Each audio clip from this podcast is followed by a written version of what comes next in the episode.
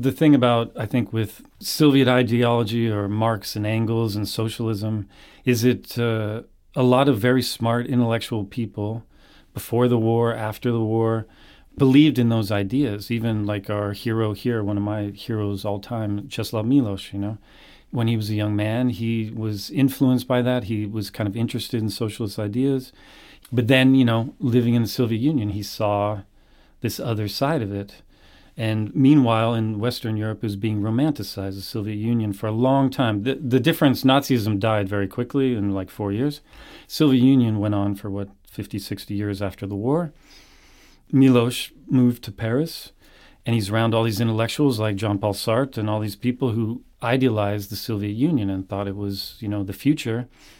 And he's like alone in Paris, kind of like in this environment where – all his peers, intellectual peers, are into this thing that he he saw personally and saw the destruction of it. It's not like all Marx's ideas were horrible, but the way they were distorted by Lenin and uh, Stalin and everybody who followed them.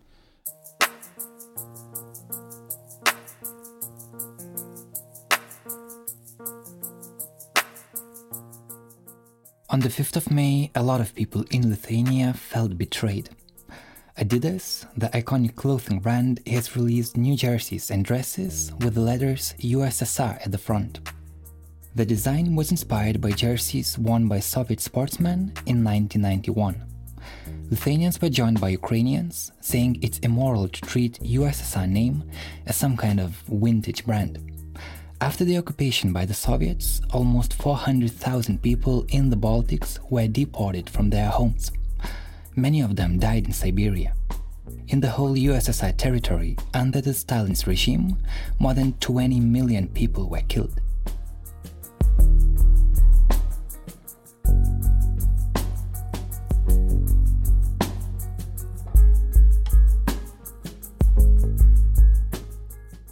The backlash against Adidas' decision started in social media and escalated quickly. The foreign minister of Lithuania has tweeted that he is sick with imperial nostalgia. Rūta Šepetys, the most popular Lithuanian novelist, joined in. Totalitarianism isn't trendy or chic, she wrote on Facebook. But how can we expect people to understand if they don't know the story, she said.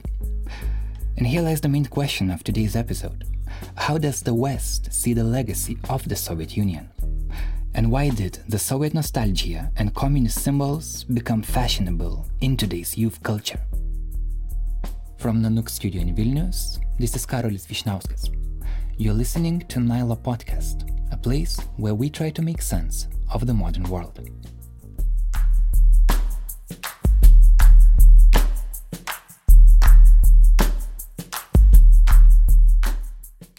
Russian designer Gosha Rubchinsky and French design collective Vetements are arguably leading the youth fashion world of today. They both put hammer and sickle on some of their clothes. In Lithuania, hammer and sickle, the ultimate symbol of communism, are banned, just like the swastika used by Nazis. A lot of Lithuanians don't understand how did the West become so insensitive to the bloody history of the USSR.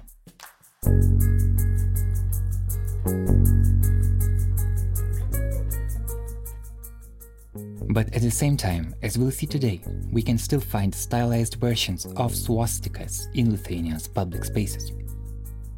I'm fine having a discussion about the USSR and how horrible it was. That's 100% fine. But in Lithuania, we still have this problem where until there's a real discussion about what happened to half the population of Vilnius and tons of people in other places that were murdered here by Lithuanians, you can't you're you're you're talking into the wind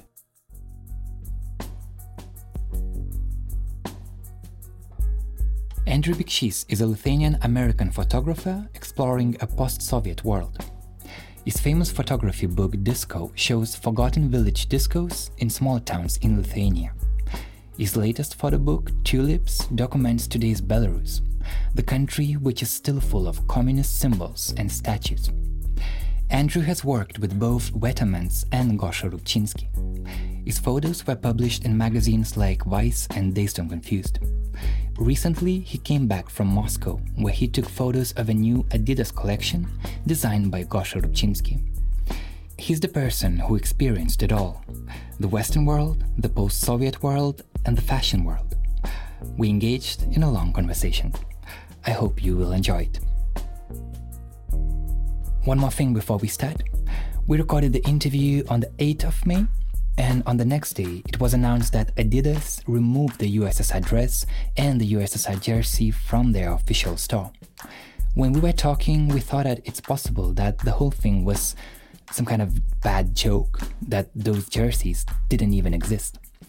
But even if they didn't, the reaction to the story proved that the topic of the Soviet nostalgia is very relevant in today's culture. And as for Adidas themselves, they haven't released any official statement on this story. So let's start. okay. okay. Hope I didn't mess that up. Yeah. So, Andrew, thank you for thank you for agreeing to talk with us because mm. I think you are the, really the right person to do this since you know both of the worlds, Western mm. world and Lithuanian world, and you work with uh, fashion really directly. You just recently mm. came back from Moscow photo shooting Adidas collection for Dazed magazine. C- yeah. Can you tell more about that? Yeah, just it's uh, they're doing a kind of editorial uh, advertorial thing. It's going to be uh, with Adidas, and then uh, Gosha Rubchinsky. He designed all the uh, World Cup jerseys, and uh, he has a whole line of Adidas stuff. So it was kind of some of his uh, from his older collection, and then the stuff for the World Cup that'll be coming out. Mm. So your photos will be published at Dazed and Confused magazine. Yes, in yeah. next next issue. Soon, yeah, in the next couple of weeks. Yeah, mm. and Gosh, for the summer summer issue. Yeah, and Gosha Rubchinsky is that designer that kind of changed the whole aesthetics. And uh, we, we will be going to his work soon. I just want, mm. in the beginning, could you tell more about your background so the listeners will know where do you come from? Because you grew up in Seattle, but your family is from Kaunas, and now you live in Vilnius. That's like mm. a, a lot of a lot of different cities. Yeah. Well, yeah, I'm from Seattle. I grew up there. I went to college near Boston, and I lived in New York and Santa Fe, and I lived in New Orleans for a long time. And then uh, in 1995, when I was still in school studying, um, my parents had this idea to go to Kaunas and uh, visit my relatives, my dad's first cousins who still live there, and in Vilnius. We had some relatives too. So, so yeah, that was the first time I came to Lithuania in 1995. I was like 20 something.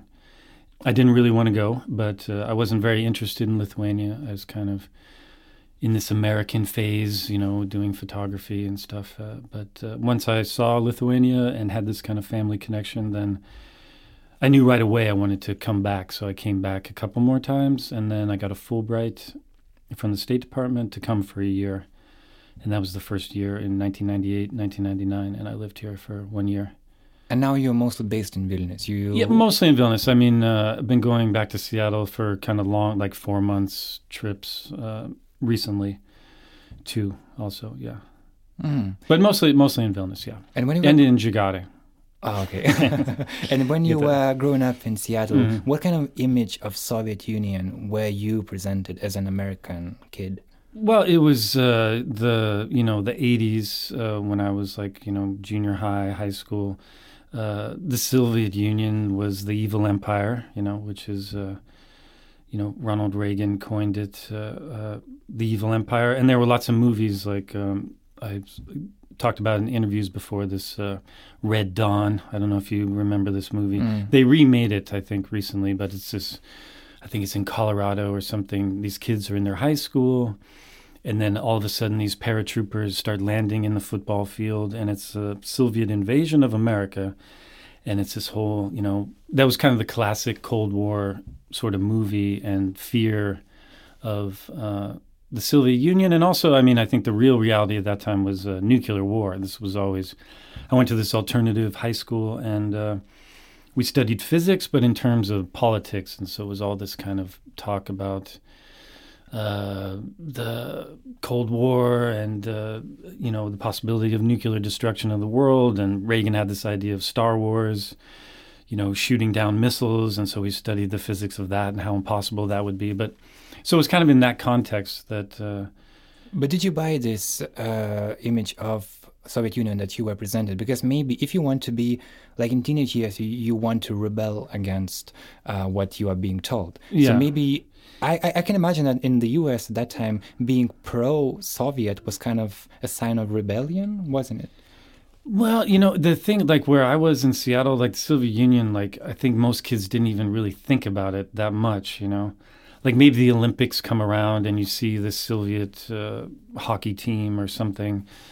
But it wasn't really, I can't say, you know, Americans, like we kind of live in this, uh, it's a big country, lots of states, only like 30% of the people have passports. I'm not even sure how many.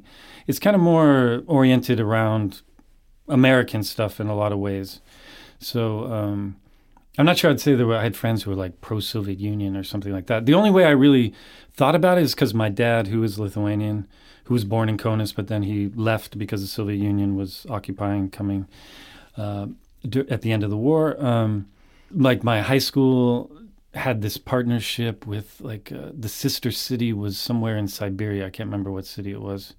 And we went to this ceremony where there was a statue and my dad was really upset that I was even going to the ceremony that was about the Soviet Union. That was like the only times where I kind of thought about it, really. And going back to these days, so um, the reason why we are talking now is this whole uh, Adidas USSR shirt collection that may not be existing at all which yeah. is which is a weird thing. Like when you go to Adidas website now, you won't find them, mm-hmm. but you can find those um, pictures on Twitter. Mm-hmm. And like Lithuanian foreign uh, uh, minister, he he shared it and said that it's it's a like a bad bad uh, uh idea for the company to do something like that. What mm-hmm. do you think about this whole uh, situation? Um, even if those shirts didn't exist, mm-hmm. it's still s- the reaction to it so shows that people in mm-hmm. Lithuania they aren't happy about that. What mm-hmm. the company that they like, like everyone's wearing Adidas here, mm-hmm. they kind of feel betrayed now because mm-hmm. they kind of now are friends of Soviets. What do you think about this whole situation? Well, yeah, I, I, think yeah, we were talking earlier. I think it's important to figure out if this is a, a real jersey or not. I mean, that's uh, kind of uh, important. Somebody could be spoofing this whole thing, but. Uh, yeah, I mean, I think the reaction. It's.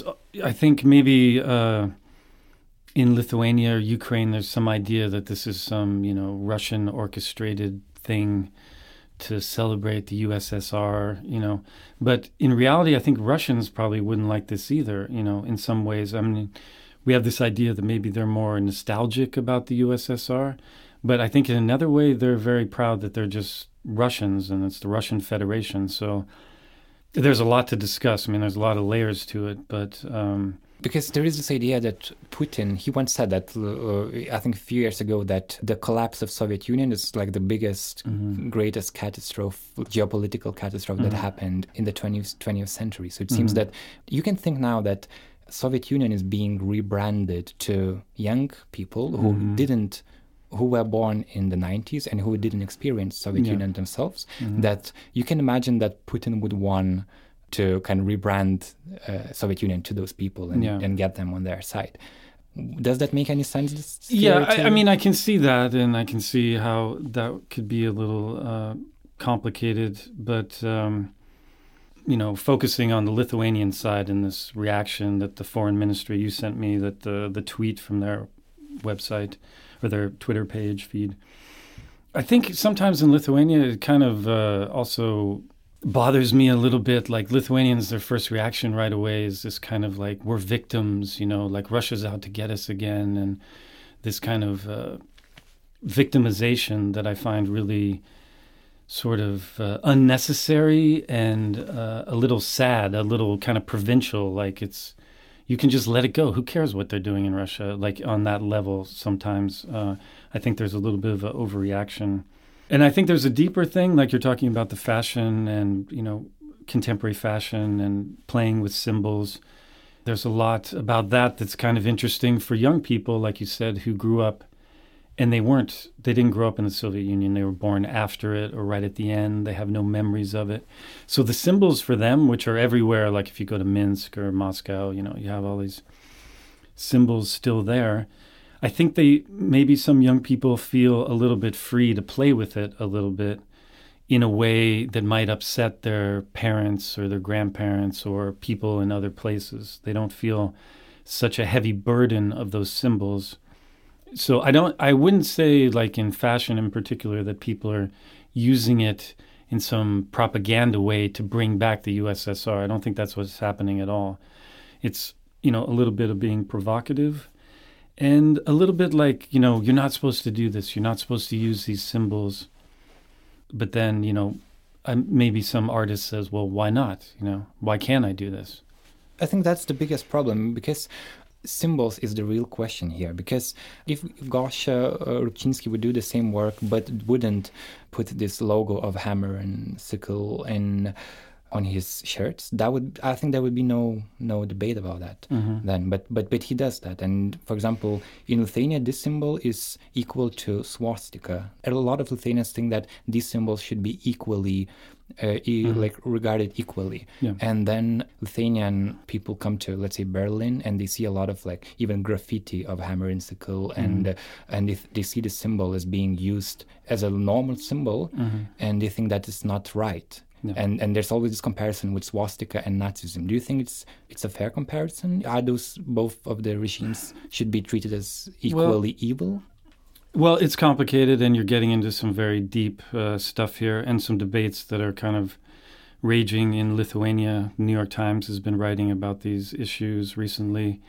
There's this whole debate about this idea of a double genocide. You know, like Lithuanians, one has kind of claimed that they were also similar to Jews in the Holocaust, uh, similar faced this kind of uh, genocide from the Russian side. But in a way, it's really there. Uh, you have to look at the sort of finer points of the comparison because the really significant and different thing about Nazism is that Nazism singled out certain people for their race or for their religion to kill them off completely, to erase them from the planet. And um, as horrible as Stalin was, if you read like uh, Timothy Snyder's book Bloodlands, you see all this, you know, how many people Stalin killed. I mean, even before the war, he starved six million Ukrainians in Ukraine through the famine uh, in Ukraine. So, but there is a bit of a difference between the USSR and uh, and Nazism. Also, you know, you have, you know, there are communist parties still in say Italy, you know, there are co- there's a communist party. There's a whole region of Italy that's still very red. You know, it's still they support these kind of ideas and socialism and sort of a communist kind of ideas in Western Europe. Um, so, and you know, the thing about I think with you know Soviet ideology or Marx and Engels and socialism is it uh, a lot of very smart intellectual people before the war, after the war, were you know believed in those ideas. Even like our hero here, one of my heroes all time, Czeslaw Milosz. You know, when he was a young man, he was influenced by that. He was kind of interested in socialist ideas. He represented Poland after you know communist Poland after the war. He was the cultural attaché. But then you know, living in the Soviet Union, he saw this other side of it and meanwhile, in Western Europe, was being romanticized, the Soviet Union, for a long time. The, the difference, Nazism died very quickly in like four years. Soviet Union went on for what, 50, 60 years after the war. Milosz moved to Paris, and he's around all these intellectuals like Jean Paul Sartre and all these people who idealized the Soviet Union and thought it was, you know, the future. And he's like alone in Paris, kind of like in this environment where uh, all his peers, intellectual peers, are into this thing that he he saw personally and saw the destruction of it. So there's also that kind of.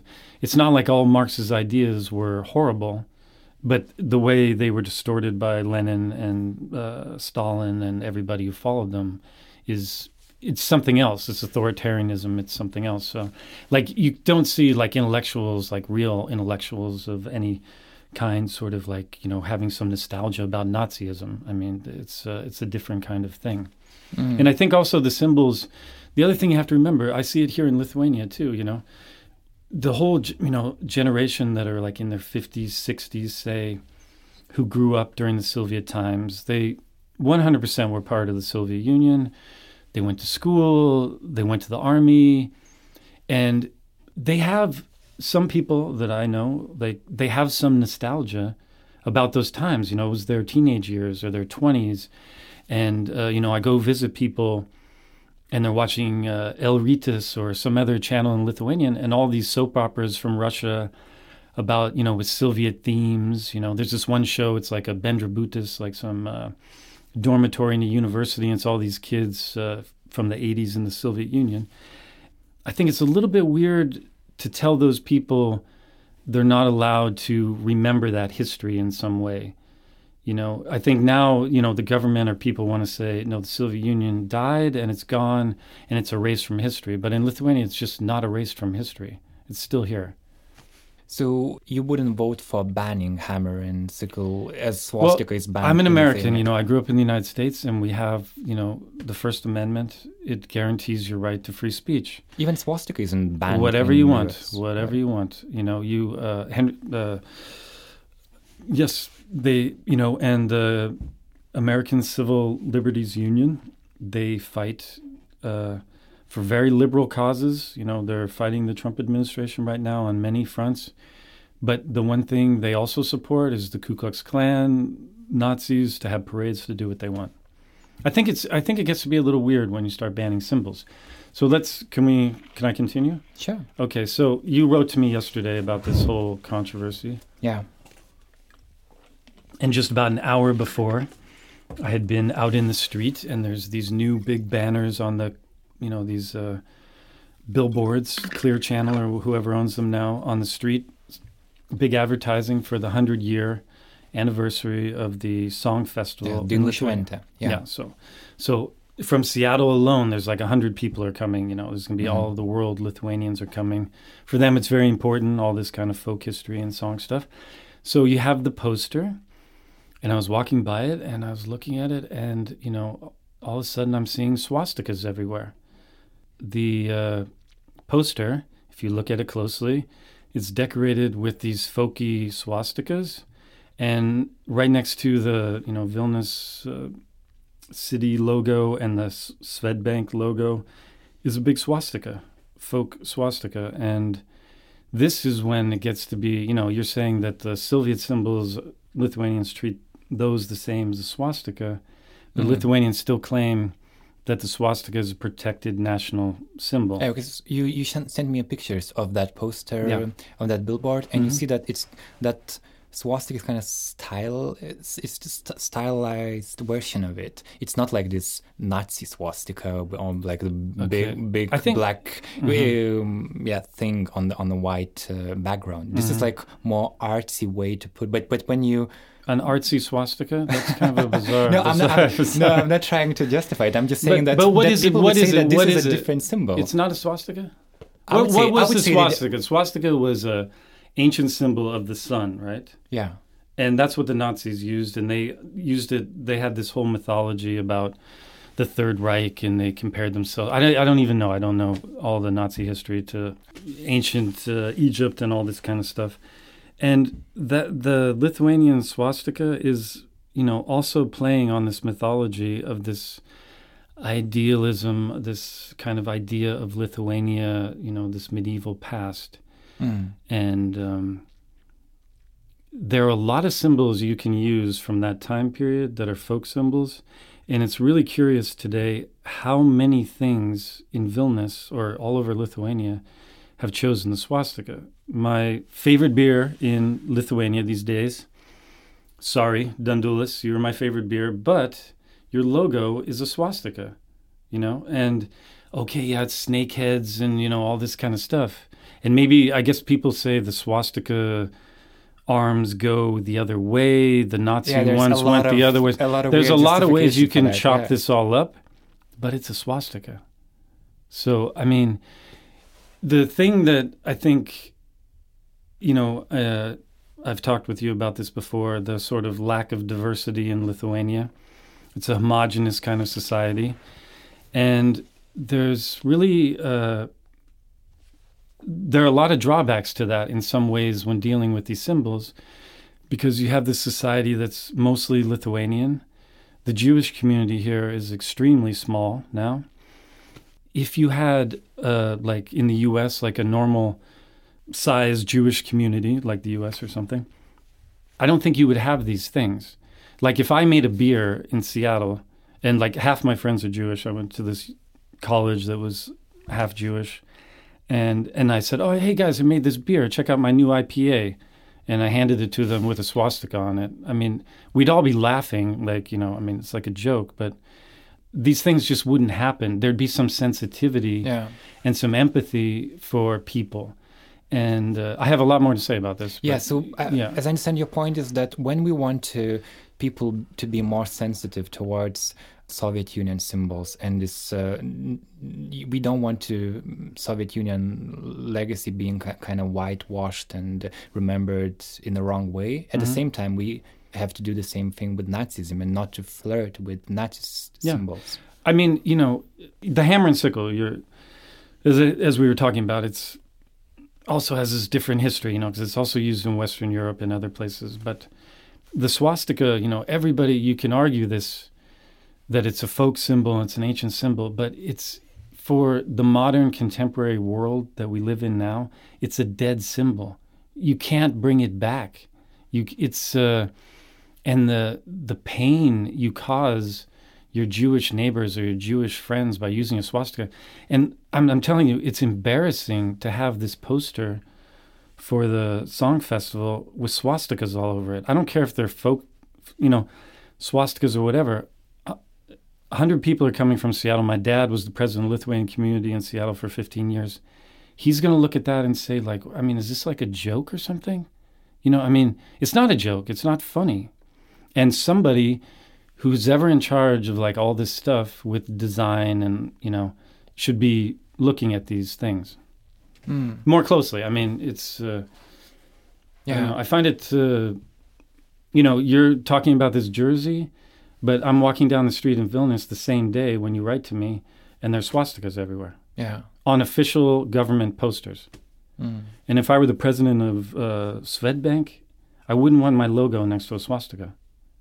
Do they think they did this intentionally, or they just don't understand? I, th- guess- I think guess- it's happened too many times for people not to understand. You know, Mm. I mean, it, Google swastika. I mean, or I don't know. I, I find it really hard to believe. I think you know the the troubling thing is I think it's more a little bit part of a little bit more nationalism kind of vibe going on in Lithuania. And these symbols are a part of it because they're really making a comeback. It's only been the last couple years I really started to notice it people flirted with it before. Can we really use a swastika or not? And now it's it's more common.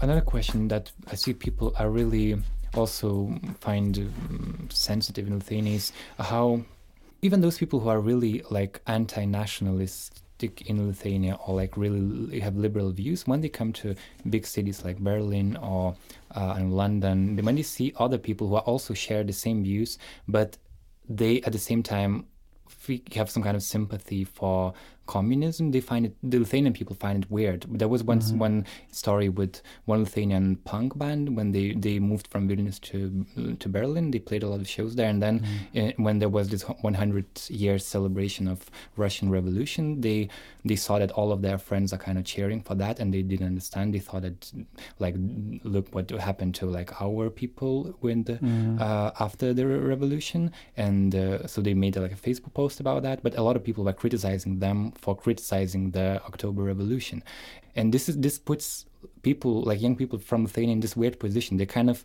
they also want to be live this like progressive liberal kind of way but they don't want to be called communist as well because communist is a bad word here. And in like western cities communist is not a bad word. So those people are left with some kind of weird position. And uh, what do you think about about that because maybe if we also connect communism with soviet union that also may not be right right because Yeah, yeah. Soviet Union people went equal there. Like some Yeah. people, like majority of people were, but there were those who controlled, and Mm. it was more like state capitalism. So, um, yeah, what are your thoughts on that? Well, you know, I think I'm also a little uh, in Europe. I don't uh, know everything, and I'm also I was surprised. You know, like communism in Italy and the Communist Party, and Berlin's kind of a special place too. I think it draws a lot of very you know super liberal, even anarchists, and you know people who consider themselves communists um, or socialist in some way. Uh, and um, I mean, I think the draw to communism for a lot of people is maybe something that this still this idea of workers' rights, you know, and that there could be some kind of situation where people live equally in some way and there's some equity between the rich and the poor. I think a lot of people are kind of drawn to that as well, you know. There are different degrees of it from just this kind of socialist idea but I think there's very little left, you know, some kind of Stalinist, uh, you know, Trotskyite, communist ideas left. I mean, I think there are some maybe mm. in places like Berlin or other places, but I don't think it's like a big, big trend. Mm. But there is this thing that if you live in a Western city, you kind of have to be get the whole package of ideas to be part of community. You kind of yeah, uh, like you cannot be pro. I don't know pro gay rights, pro um, uh, ecology, anti-capitalism, but be against socialism. Like it's it's like mm-hmm. you have yeah, to go yeah. the whole way. And people from Lithuania find it uh, kind of in their heads it's too. They cannot associate with themselves with socialism because they associate socialism with Soviet yeah. Union. Yeah, yeah. So there's this but, kind of you know, I mean, I think in Lithuania maybe they it's just the word or the way it's uh, you know discussed because I would say in Lithuania there's still kind of a socialist kind of not like a Soviet socialist system, but we have healthcare. You know, everybody pay. You have to pay, or mm. everybody has healthcare in Lithuania. That's you know, kind of a socialist idea a little bit.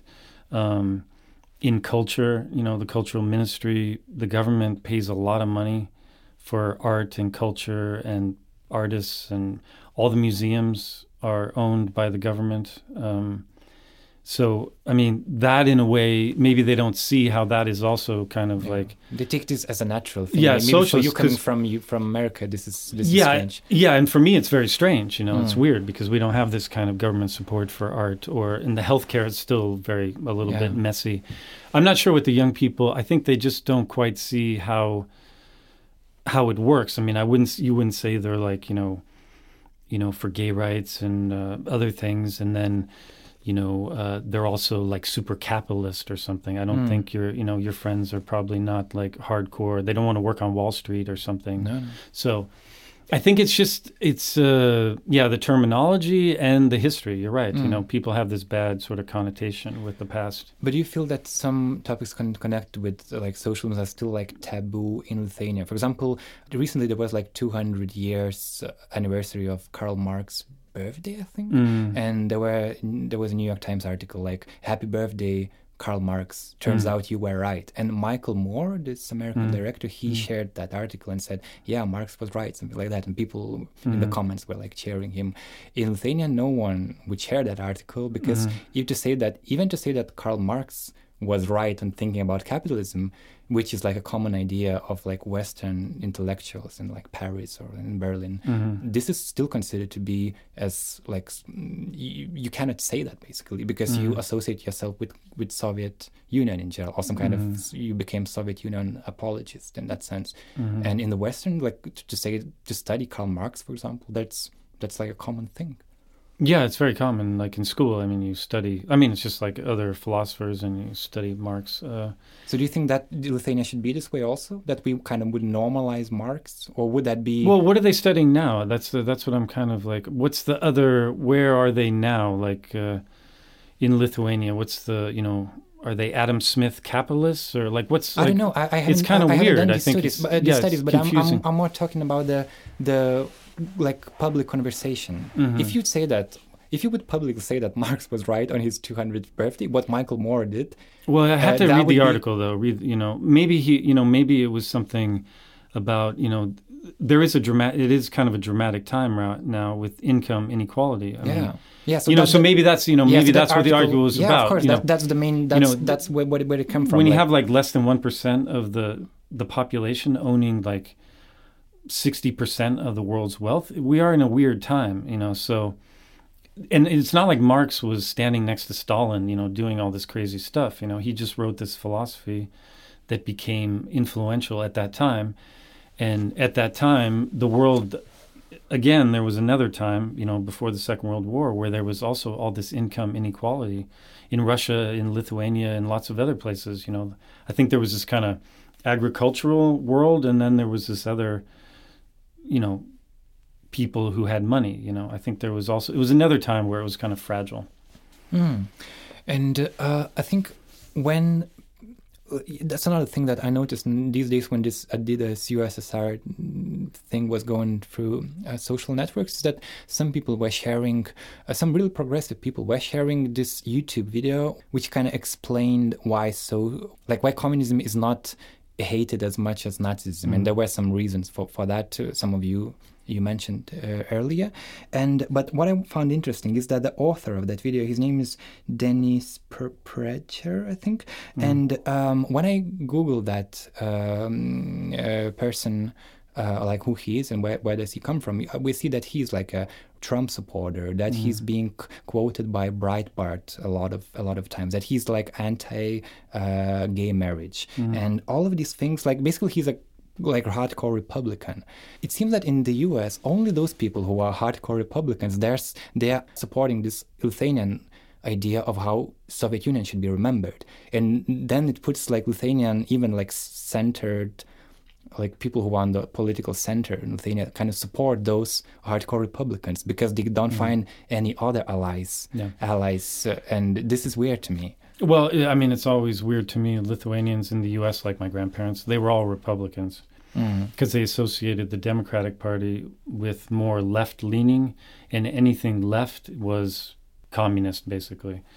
I don't know. I think uh, I, I, didn't see that YouTube video, but like Breitbart, their main thing is sort of this uh, populism and to rile up uh, Americans who are in the 99%, you know, people who aren't uh, winning in this kind of global economy. I'm from Seattle. I mean, it's booming and growing, and Amazon's based there, and, you know, Trump went after Amazon recently. Um, so I think the Breitbart people are, you know, just kind of, I think they're just, I mean, I don't, nobody really knows what their whole goal is, but just to create this kind of chaos and get people really upset but I think Lithuanians they always make a mistake to uh, just by default support Republicans and this idea that Republicans are doing the right thing, you know, because they opposed uh, the Soviet Union. I think Democrats also oppose the Soviet Union, but with a lot of things, I think they do it in a smarter way. You see now, I think Obama, we can you could criticize him for some of the things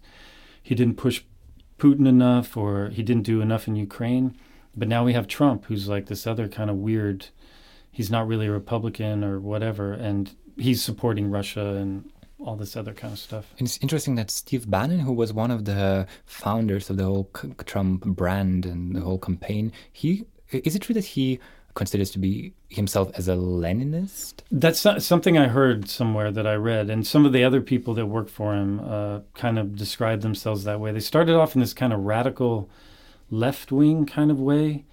And it sort of moved into this kind of more authoritarian, you know, all or nothing kind of ideology, which you could say kind of what happened in the Soviet Union. You know, Marx, mm what he wrote wasn't that horrible. But then, you know, it got uh, turned into this very kind of destructive authoritarian thing. And I think a lot of the stuff that comes out of Breitbart is very authoritarian. Mm. Yeah. Yeah.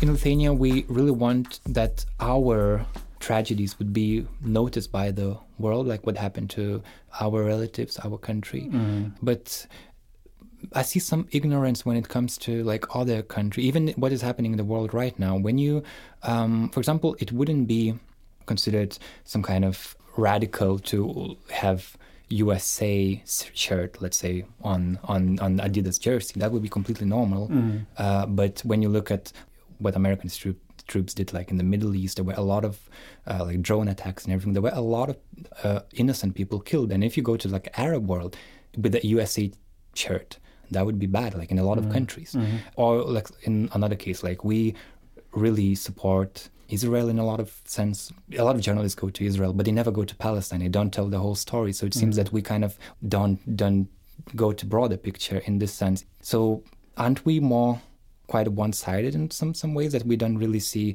suffering from the others? hmm Well, I think in your question there, it's a little bit. Uh, there's a lot there too. Um, so you're saying like you want, like Lithuanians think that their suffering during the war should be recognized, right? Yeah. So what does that mean though? Like, what Lithuania are you talking about? What Lithuania? Yeah, Lith- ethnic Lithuania, right? Ethnic Lithuanians. Probably.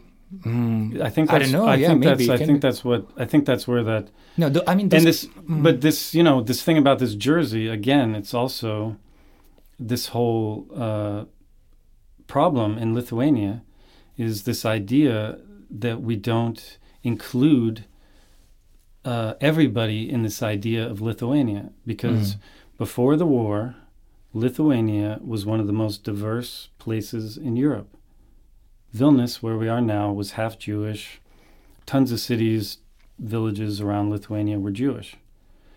And um, we don't, in that question, people don't include them in that discussion, you know?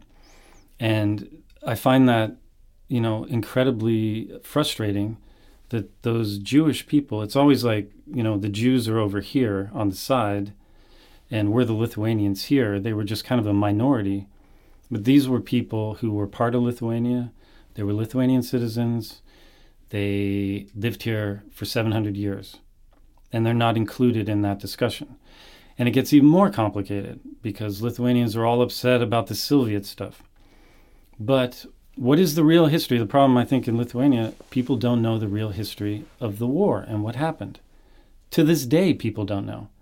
I mean, I in elementary school in in America, we have to read about the Holocaust. You know, it's like at the beginning. So what happened in Lithuania? You know, and uh, the problem is that it's yeah, like I said, it's not including everybody in this discussion. You have this USSR shirt, and the the unfortunate thing during the war was how everybody was pitted against each other. And the USSR, for probably a lot of Jewish people, I'm not, I'm not speaking for the Jewish community in Lithuania or my friends or their grandparents or whatever, but the USSR saved them from murder. Okay? And what people don't understand, like I just bought this house in Žagarė, Lithuania, and it's uh, in this uh, red brick Jewish style. And um, that house, this house, it was actually a Lithuanian family that lived there. But, you know, it's a huge responsibility to have this house, to, to live in that town, because the history is that the Lithuanian militia that were sympathetic to the Nazis murdered all the Jews in Žagarė on the main square and then some in the forest nearby. They were killed by Lithuanians who were sympathetic to Nazi to, to Nazism. Why aren't we having that discussion? It's, it's it's incredibly frustrating. I have many friends who have no idea. You know, like you there you can go to any town in Lithuania and you know, like Žagarė, you're driving in there and there's a sign, this is where all the Jews were killed, you know. Joniškis, same thing. Every town you drive through on the way, you know, all the towns. And there are all these amazing buildings in Lithuania. In Žagarė, there's this synagogue that I just photographed recently for this other project I'm doing. And it's a sports hall. You know? And imagine if your Lithuanian, you know, your Lithuanian village where your babushka's from had a church, has a church right now that's a sports hall. Your babushka's old church is a sports hall. You know, I don't understand why Lithuanians wouldn't go, you know, and just like see somebody else's house of worship, that people that were murdered here, and say, you know, this maybe we should not do this. Maybe we should move the sports hall someplace else and make this into something else. So th- that that's why I had a problem with this discussion. Hmm. I'm fine having a discussion about the USSR and how horrible it was. Th- That's 100% fine. But in Lithuania, we still have this problem where until there's a real discussion about what happened to half the population of Vilnius and tons of people in other places that were murdered here by Lithuanians, you can't you're you're you're talking into the wind. And you know, Germany's so interesting because after the war, the Allies came, the Americans, the English, the French, you know, occupied it. And they made the Germans remember what they did. And they made them know their history. And the Germans, they said, okay, fine. And to this day, I mean, Germans are the most, you know, I mean, there are Nazi, you know, there's Nazi course, use yeah. there and stuff, but they're like, you know, they know this history and they know where where history goes off the rails, and all of a sudden you're killing your neighbors. So that's the frustrating thing for me because neighbors killed neighbors in Lithuania. And this USSR stuff, Lithuanians are like up in the air. You sent me some post, you know, and I'm just like, where's the outrage when your uh, Shventa poster has a swastika on it?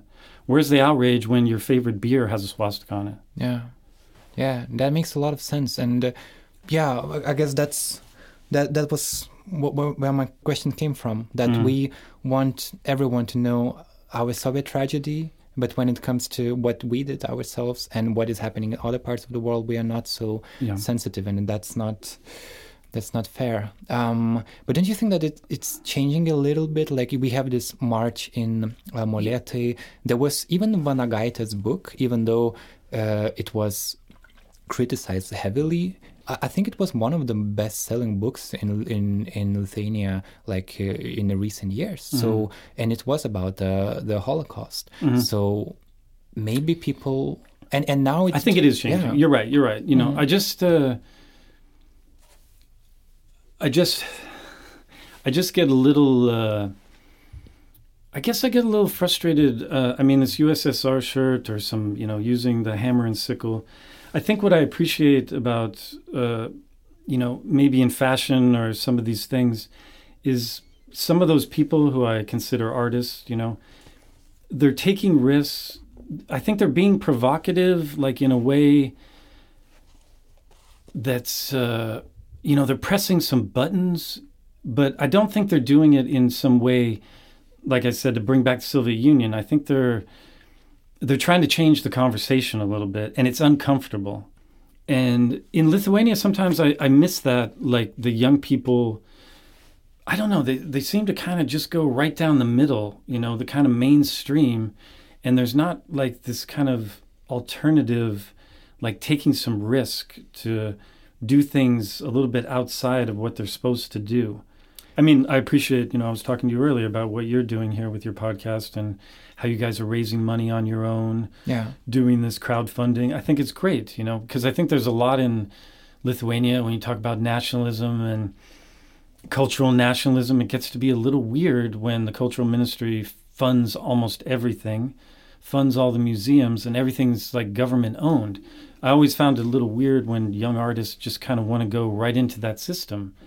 When I was 18, 19, I mean, even today, I get a little, I'm still a little punk rock, you know, just to, there should be some friction with like what's standard or normal or, you know, you shouldn't just like, just try to join the system and, uh, you know, Mm. I, But you mentioned, yeah, I agree completely Yeah. with that. Just you mentioned punk rock, and that's one thing that I wanted to Mhm. to mention is that even punk rock in Lithuania, it happened. It started as a nationalistic movement. Like Mm. Lithuanian punks, they have like this Gediminaičių stulpai um, tattoos on their or Mhm. uh, on their heads, and this was considered to be like a punk symbol because it was rebellion against Soviet Union, and Mhm. punks wanted to rebel against Yeah. something. So maybe I don't know. I will put it like this. We can say that nationalism built independent Lithuania. Without nationalistic Mm, movement, mm, mm. independent Lithuania wouldn't happen. Mm. And uh, maybe that's why people justify nationalism here because they think that they connected it with even like Landsbergis. He was a nationalist and he's Yeah. proud of that. Like, and he's one of the founders of the independent Lithuania. Uh, what do you think? Uh, Well? I, I think the problem right now is just uh, what do you build that nationalism on? You know, I mean, nationalism is built on mythology of the past. Every country does that. United States, Russia, Lithuania. So Lithuania is in this kind of weird period, and I've lived here for a long time now, and you just kind of see it shifting a little. And you know, now there's all this mythology, you know, just skipping over the Soviet Union, skipping over Russian occupation before that, skipping over the whole Polish history of Lithuania, and you go right to Gediminas, and oh, everything's great, and you know, we have this Vytis and you know all this stuff, and it's this kind of uh, I'm I'm for like nationalism in some way, you know that. But what should it be built on? Because I think the idea of Lithuania, like my hero was Czeslaw Milosz. When I first started coming here, I brought ten books by Milosz, and I read them all winter, and then I met him, and you know photographed him, and wow. Um, his idea of Lithuania was this grand, you know, idea of you know this multi-ethnic, you know, I mean the Jewish history in Lithuania, just that, or you know it's amazing, you know, like uh, all this stuff. So I just get a little worried about all the how the nationalism is built. And I was we was talking to you last night about you know my whole thing with the Vytis now. It's like the yeah, symbol Vytis, everywhere. Vytis is everywhere now. It's everywhere. I was joking. It's the new Lenin. You know, the Vytis is the new Lenin. It's like and you know, I, th- I heard the story that on aikštė they overruled uh, the voting thing, and they're going to put the Vytis up anyways or whatever. Well, I don't know if they're going to do that, but, yeah, but, so, but there were a lot of people who wanted Vytis to be there, and even yeah, if you go like by tr- you, I don't know, use train from Vilnius to Kaunas, they put this Vytis um, yeah. symbol on on trains. There's one this. Um, race car Dakar yeah, race driver. Yeah, he kind of made it popular. Yeah, yeah, he's he's really popularizing it, and he's saying that uh, okay, I can quote him not incorrectly, but he he he prefers Vytis to national flag, I think, mm-hmm. because he thinks that this symbol is more Lithuanian, uh-huh. and people are buying that. Have you seen the Belarusian opposition? They also have Vytis on their flag too. They they see the Vytis as a a symbol. It mm-hmm. was on the old flag, I think. It was part of the old flag, and now it's outlawed mm-hmm. after Lukashenko made the new flag. But the thing about the Vytis, which uh, my father, who's a, you know, he grew up as this Lithuanian Catholic. He went to a Catholic school in America, Lithuanian Catholic school. But then he went to Vietnam, and like after that, he kind of changed his views about religion, and he's very much an atheist, and you know, all this. And the first time we came to Lithuania, and he saw Vytis, he pointed it out to me, and he was like, always thought it was such a weird symbol for Lithuania because it's actually a symbol of, well, in his view, the conquerors of Lithuania. So I think if you read about the Vytis, the original symbol, as something I was reading online, but like the it was uh, everybody associ- associates it with Vytautas going to fight at Žalgiris, and he had this flag of this white knight, but it had no cross on it because, of course, he was a pagan king of Lithuania. But he used the Vytis as a symbol.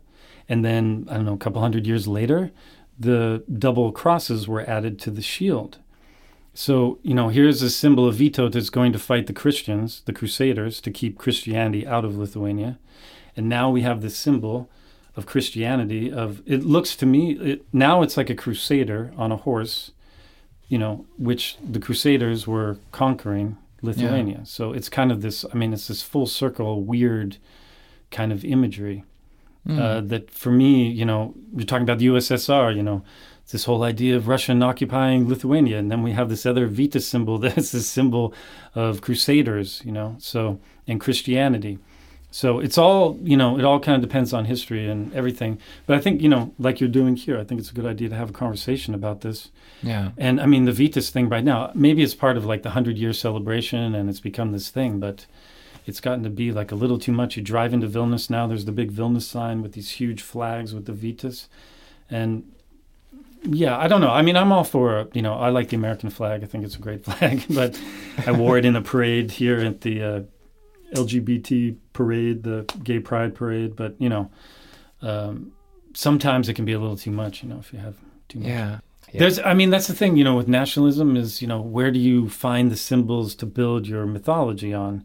And you know, Lithuania has a lot to choose from in the past that they could use, but now it's the mm. Vytis. Yeah.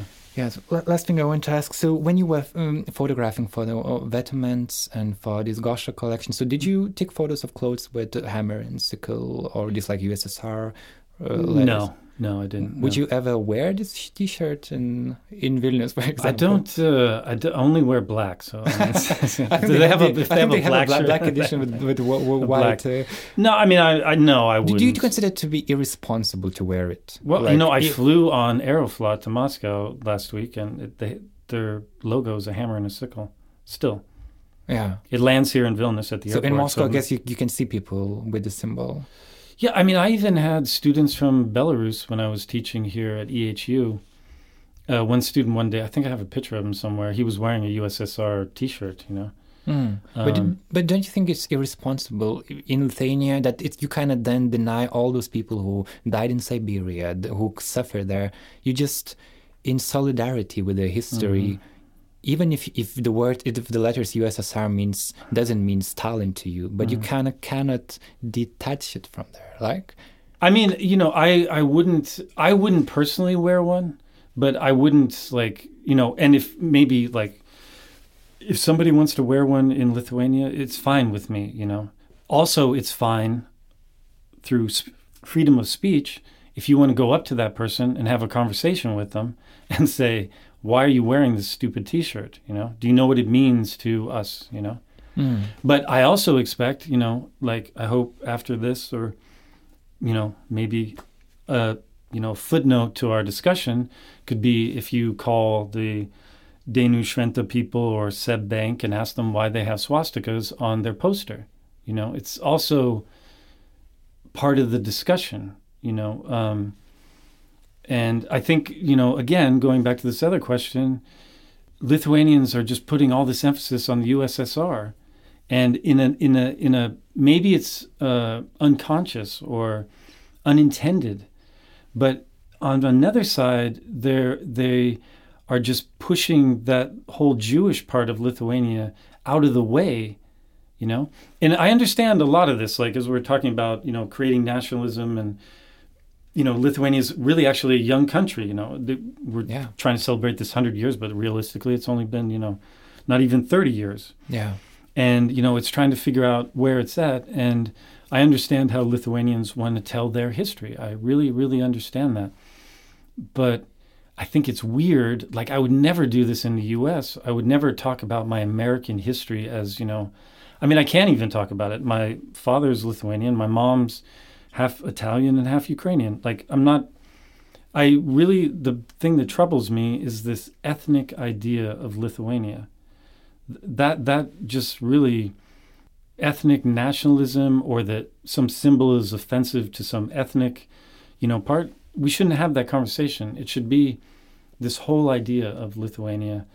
Jews lithuanians poles russians belarusians you know uh, you know there were muslims here um, gypsies roma people you know. It's much more diverse than you know just this one idea and particularly before the war. It was Mm. much much more diverse. And that history is not that long ago. Your my grandparents you know were part of it. My dad was born right in the middle of the whole change. Yeah. Well, I guess the next thing we are doing, we have to contact the organizers of this is what no this is what you know this i i think uh, you we were talking you came to my talk uh, when you were a student at vilnius university about Yeah, yeah. and i was talking about the about you. Yeah, cover yeah, yeah. so when the Respublika was covering uh, Taboras, I think. No. No. Oh no, no. It was this. Uh, Kas valda pasaulį, like who runs the world Yeah. article, right? Where the answer was, of course, like Jews. jews and gays Oh, Jews and gays. Jews and gays. And, uh, you know, I showed it uh, on the screen. I blew up uh, the whole Respublika um, cover. And I asked the students, you know, what's wrong with this picture? I don't know if you remember this. And, you Uh-huh. know, people were like, well, it's, you know, well, actually, It's badly drawn. not that, yeah, stuff like that. Or like, you know, uh, well, I guess you shouldn't say things like that about gays and Jews or something like that. But the real problem with that cover was at the bottom, on the side, was Maxima logo. Oh, yeah, I remember Yeah, this. so- yes, that Maxima so- supported it. Yeah, so Maxima, you know, is paying quite a bit of money to publish this newspaper. And for me, as I said, freedom of speech, the owner of Respublika, I think he's well known as, you know, kind of a anti-Semite, anti-gay. He supports these uh, Yeah. nationalist parades. So that's all fine. You know, you can do whatever you want. You you have your podcast. You're Sure. doing your thing. You're trying to make Big- your thing. But when a corporate sponsor is paying money to support that speech, I think we as people who kind of have to shop at Maxima, it's kind of well, they, or people who shop at Maxima, you're allowed to call Maxima and say, "Hey, Maxima, why are you supporting this anti-gay and uh, anti-Jewish speech? You know, by paying Respublika." And th- that's my, you know, so that's my whole thing. And like if we're having this conversation, if Adidas made this shirt and you don't like it, you you know, people should call and write uh, Adidas. Yeah. Well, you, you can stop wearing Adidas. I think that's Yeah, if, stop if, wearing if, Adidas. it, it matters so much to them. I think that that would be a Yeah, it could be some other brand doing a plot to undermine Adidas. yeah. The, Well, so- I don't know if it's yeah, I a hoax or s- whatever. someone someone in Twitter wrote like, "Okay, I'm, I'll start to wear Reebok now." It's just the problem is that Reebok is bought by Adidas. And yeah, Yeah. No. So thank you, Andrew. This was No, really interesting. Thank you for your time. I really wanted to have this discussion at some point, and I think now it's the Mm. right time. So thank you. thanks for having me.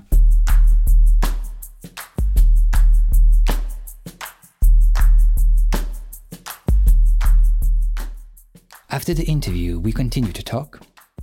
Yeah, I mean, I, I think just you know the one thing because we're talking about fashion and art, and you know, I think in my work I also, you know, I played with Soviet symbols a lot, especially in my book on Belarus.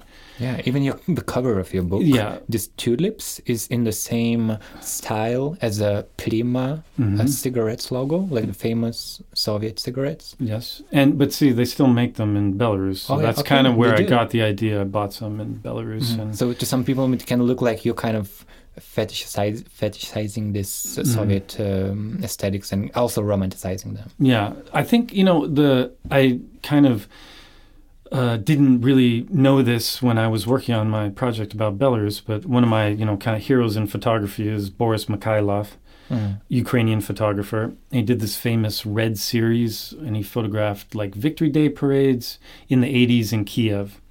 And for me, he's really the only like Soviet photographer artist who transcended the Soviet Union. Like his work is good today. Like it's still like, and he's still working, still photographing.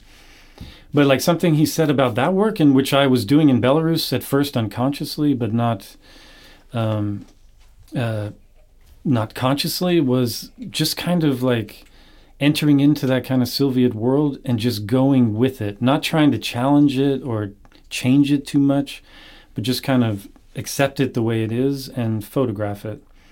And he said the same thing about doing this Red series, kind of that he didn't want to try to like do this kind of journalistic style where you're kind of criticizing uh, the Soviet world. He sort of just went with the flow of the, and in, I don't know. For me, that was kind of an interesting way to work in Belarus. But from the other side, people think, "Oh, are you doing propaganda photography or things like that?" But for me, as an artist coming to Lithuania, like the photography that really interested me at first was when I was going to Calvario and I was buying these Soviet postcards with Soviet uh, propaganda imagery. And then I discovered all these Lithuanian photographers like Antanas Sutkus and others who did all these kind of propaganda books along with their other books. And this imagery, like, it's like just straight propaganda, red tulips, blockhouses in the sun with white clouds, you know like really made an impression and also like you saw for me it expressed like sort of the kind of brutality and the the uh, completeness of this kind of soviet ideology in the imagery where the other kind of black and white gritty stuff just didn't really work for me I, Mm. but just all i wanted to say is i think that in fashion in art in photography i think it's good to kind of follow you know take your influences uh, you're allowed to take influences from uh, places that you know are maybe a little taboo. Like I think a lot of my photography is very kind of uh, almost socialist realist. You know, it's very simplified portraits of people, and you know, I think using that kind of imagery isn't like some kind of glorification of the USSR or Stalinist ideology, but I think as an artist, you're allowed to kind of pick and choose like that. And I think in fashion, people are doing that a little bit too. in some Mm. way, even though it's uncomfortable. And but you know we're having a conversation about these things. And if you go to Russia, if you go to Belarus, I mean these symbols are everywhere for young people. It's like their daily life there. Yeah. And so I think they're kind of like, okay, let's just, you know, you know, let's use this and see what happens, you know. Yeah, I think where the people see the possible problem is that they have this like almost conspiracy theory that is all organized by Russia, Yeah. by Kremlin. Yeah. Like, like Sure. let, let's make Soviet fashion popular in the West, and people Mhm. will buy it, and people will want to like let, let's make an image of Soviet Union better. Mm-hmm. Yeah. But I don't think, No, it- I I, don't think- think that they are that smart. I think there's some, you know, I think there is some of that going on. There's sort of this soft uh, Russian cultural influence. Okay, I can talk about something. It's uh, the like this is Calvert journal Yeah. in London, and they have a gallery, and um, yeah, I you know they kind of asked me to do some things, but then I, I got kind of skeptical about what they were really doing, because the when I first looked at their website and everything, the main sponsor was this bank in uh, uh, St. Petersburg, and then I looked and it's Putin's bank. You know, it's his friends. You know, and. Uh, you know, so that also you kind of have to be careful and ask some questions about all that kind of stuff. Do you think uh, I don't know veterans are getting money from, No, Russian no, no, no. They're, they're they're very. I mean, the other thing you have to look at in all this. Okay, let's take uh, like this. You know these brands, and the other element that I think people are missing is, like, if you look at the the uh, campaigns or the the way they are photographed and the models they're using, it's not like some big football-looking guys with shaved heads. You know it's also this alternative culture. It's these kids from skater culture, from you know music, from raves in Moscow, and it's it's really you know you could match Adidas with this whole other kind of nationalist ideology, but there's this other side where it's um, it's not part of that at all. Mm. And I think Lithuanians sometimes they kind of, well, in anyways, whoever is posting the stuff on Facebook or whatever, are not seeing that completely. You know. yeah, yeah, it's interesting. So yeah, I just you know I just wanted to kind of you know the the idea of artistic license like freedom of speech. I think it's okay to. I think people should be free to look into it. You know, like I do. I start my projects. I don't know what I'm doing at first, and I go into some uncomfortable places like that I don't even like. I'm like, and then I try, but I'm learning the whole time and figuring out what I'm trying to do. So um, I allow myself to, you know, delve into, you know, Belarus, and maybe I'm using all this Lenin's and st- like the Stalin sculpture that's outside of Minsk. I photographed it on a sunny day with a blue sky and white clouds, and it looks like it's from a Soviet propaganda, you know, photo book. But from the other side, I'm just using that kind of imagery uh, because I think it's kind of interesting kind of way to photograph. We dive deeper into the term post Soviet. It became very popular in recent years, but Andrew doesn't want to be a part of it. Your works, like disco, would definitely be seen as new East post Soviet photography, but you don't want to be part of that. Yeah, I you know I kind of got into photography. I first I really wanted to be a filmmaker. I wanted to be a director and make movies, and uh, uh, I went to NYU for a summer to learn filmmaking, and uh, and then I realized there's just too many people involved, like film crews and everything. And then I got into photography, and you're working and I was like, I can do this by myself. I don't need any other people to do this. And uh, uh, that's what I liked about it. And also like joining clubs or, you know, photo unions or stuff like that. But I understand the whole thing, but it's not my thing. Like I just kind of like to do my own thing.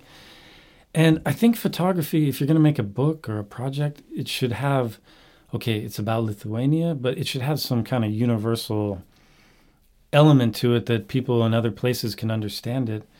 And, you know, making, being part of some, you know, post Soviet thing. I don't even know what it means, you know, really. I mean, of course I know what it means, but I think it's kind of a little, it's trying to make everything in Eastern European, Eastern Europe, like in this kind of hole.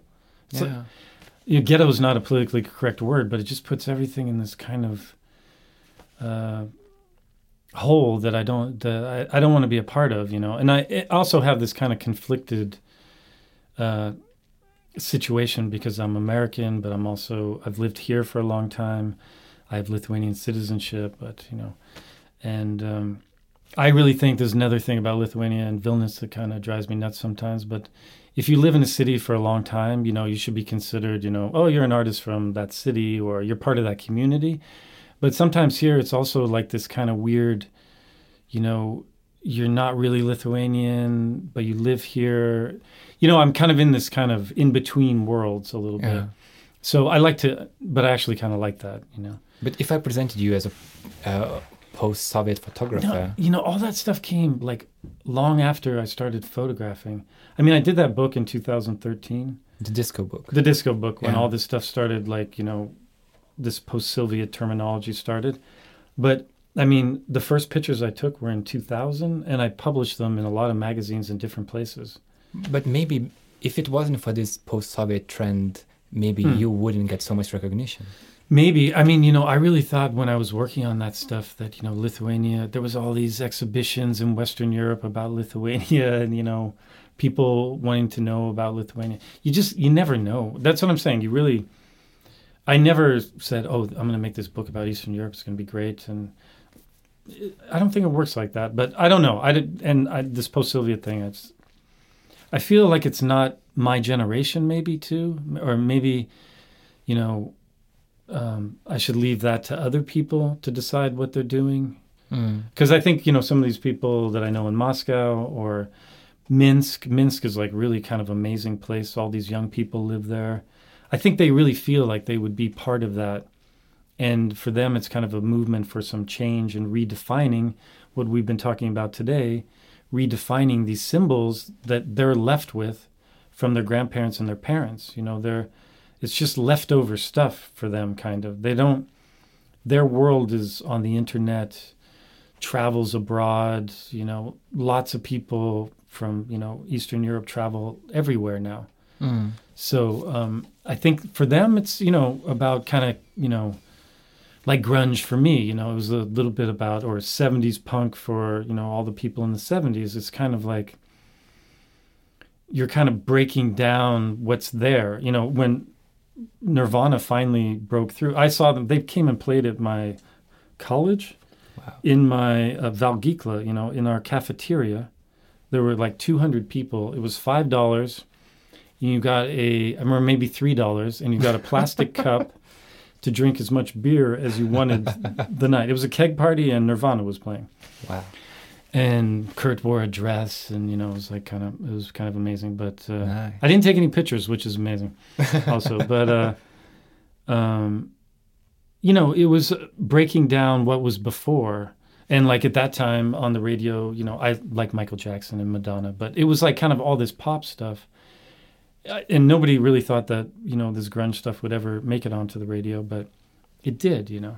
Mm. And I think this post-Soviet movement it's, you know, it's it's kind of like working and not working and you kind of have to see what will happen. And I'm not into skateboarding or I don't know anything about this kind of, you know, graffiti or other things that people kind of associate with post-Soviet stuff. But um, yeah, maybe it's just for another generation. Maybe that's kind of how I see it a little bit. It's for you. I think, but for me, the main problem with the term post-Soviet is that yeah. I don't feel that is my own term that we yeah. became and we uh, and now the world recognized. It's more like the Western world said that okay, you are post-Soviet world, and now we are yeah. interested in what you're doing because we uh, okay, we, we, we got uh, bored by all the stuff that we were interested before, so let's focus now on your region. But it gets this um, power dynamics, you know, really, it's put us like people from actually growing up in a post-Soviet world that mm. um, they are kind of using us. I think that that's the main problem. Yeah, I also think it's you know I uh, okay I, yeah I, you know like I taught at this uh, Belarusian university here, and a lot of my students they first came to my classes like I was kind of really interested in what they were doing. You know, they were, and some of them went on to become artists, but uh, it was quite interesting for me uh, as they developed. Kind of, they saw what Western Europe kind of liked, and they liked all Western Europe really likes all this post-Soviet stuff, and they changed sort of what they were doing to kind of uh, uh, fit that Western kind of image. Yeah. And I see that too a lot. I, I Mm. totally understand what you're saying. And it is a little bit, yeah, it's a little bit complicated because it's not like this totally organic thing that's grown out of Eastern Europe. It's it is has this other influence. Yeah, it's almost like a market rules. It's like, okay, this Yeah, is what the so- market wants, so we artists will serve them that. Yeah, and I, I don't, you know, I mean, yeah, I was asked to be in a show in New York uh, last year. And at first I was like, oh, yeah, this would be cool. And it was all this post Soviet stuff, like, you know, Russian artists and Czech artists, and who were really playing with all this stuff. And then I saw the title of the show it was all this post Soviet. And I said, no, like, I, I don't want to be uh, into that, you know, so much, you know. I think people saw my disco book. I mean, this is maybe what you're saying, and they think like I was kind of, and then Vetements used it or some other people, but it really didn't happen like that. You know, I was just making it, You were the Driving- You were original post-Soviet. driving to Pobrada, you know, uh, Dutishkis, uh, uh, Eshishkis, you know, driving to all these places in the middle of the night to take pictures. Like, I mean, nobody cared at that time what I was doing. So, yeah, you are the pioneer. well, I don't know about that. You know. Okay, uh, we're gonna die here out of heat. Yeah, Let's do it. jeez, we I'm have like- to end. Like, I'm like, whoa. Thank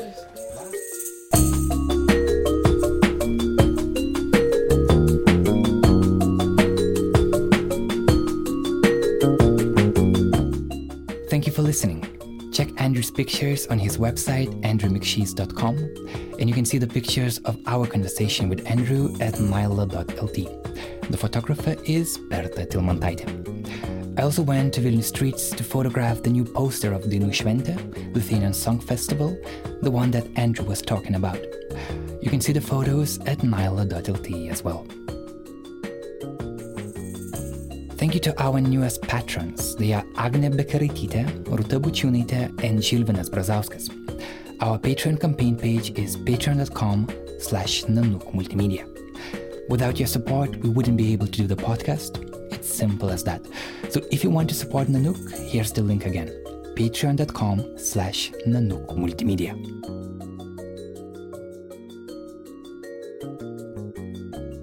Our sound engineer is Kata Bitoft. Our music composer is Martynas Gailius. Thanks to Lithuania's National Library of Martynas Mažvydas for their studio where we recorded the interview. This episode was produced and hosted by me, Karolis Vyšniauskas. Nilo Podcast is an independent production of Nanook Multimedia Agency in Vilnius. See you next week. Take care.